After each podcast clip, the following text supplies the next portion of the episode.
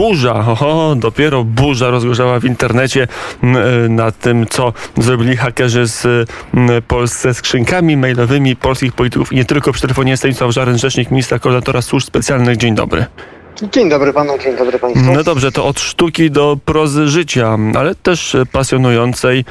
Co ABW i co SKW ustaliły co do tego ataku? Wiemy na pewno skąd on pochodzi, czy to jest na pewno Rosja albo Mińsk, czy to jest jeszcze przedmiotem badań polskich służb?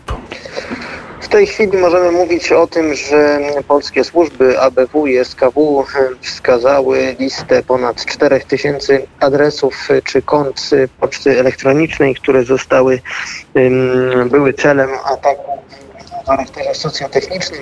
Mówimy o typowym ataku phishingowym, y, którego celem było, jak to zwykle w takich y, przypadkach, wyłudzenie kont dostępu do poczty elektronicznej. Możemy powiedzieć, że 500, y, ponad 500 takich użytkowników odpowiedziało na tę spreparowaną informację związaną z, z akcją phishingową, a zatem mówimy o ponad 500 użytkownikach, którzy zostali realnie narażeni na utratę dostępu do i kontroli nad swoimi skrzynkami mailowymi.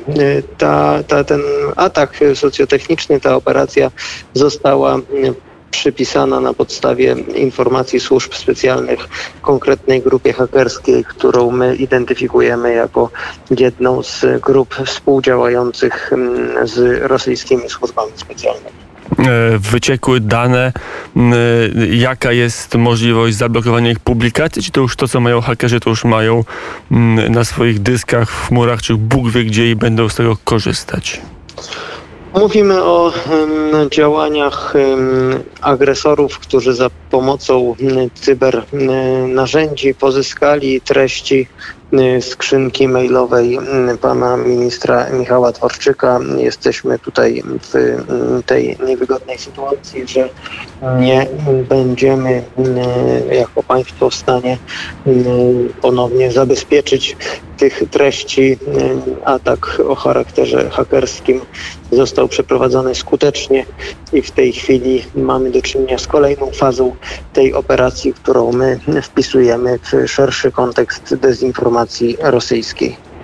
Mm, e, to kierunek jest jasno zakreślony, mm, jaka liczba kont osób istotnych, osób, które e, miały lub mają wpływ na bieg e, spraw publicznych zostały zhakowanych, jak wielu ministrów albo byłych ministrów, posłów lub byłych posłów, senatorów itp. itd. i tak dalej zostali, ich skrzynki zostały zhakowane. Wśród tych osób, które zostały zaatakowane tym, w ten sposób opisany przez nas w naszym świadczeniu, zidentyfikowanych zostało ponad 100 kont w poczty elektronicznej, które są użytkowane przez osoby pełniące funkcje publiczne. To są i stricte politycy, ale też samorządowcy czy e, działacze organizacji pozarządowych. W tej chwili mamy do czynienia z mniej więcej stoma osobami z szeroko pojętego życia publicznego, które mogły zostać poddane tego typu działaniom hakerskim.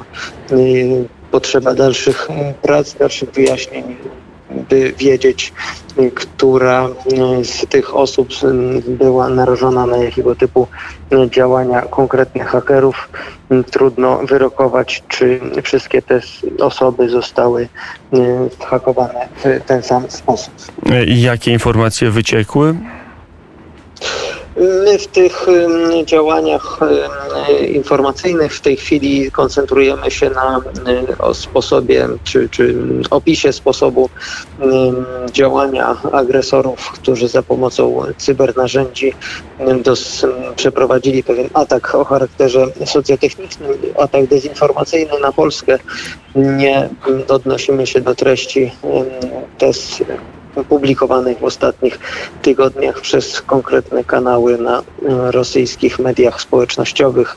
Nie jest to naszym celem. E, powiedział Stanisław Żaryn, rzecznik ministra koordynatora służb specjalnych. Dziękuję bardzo za rozmowę. Dziękuję bardzo. Do usłyszenia.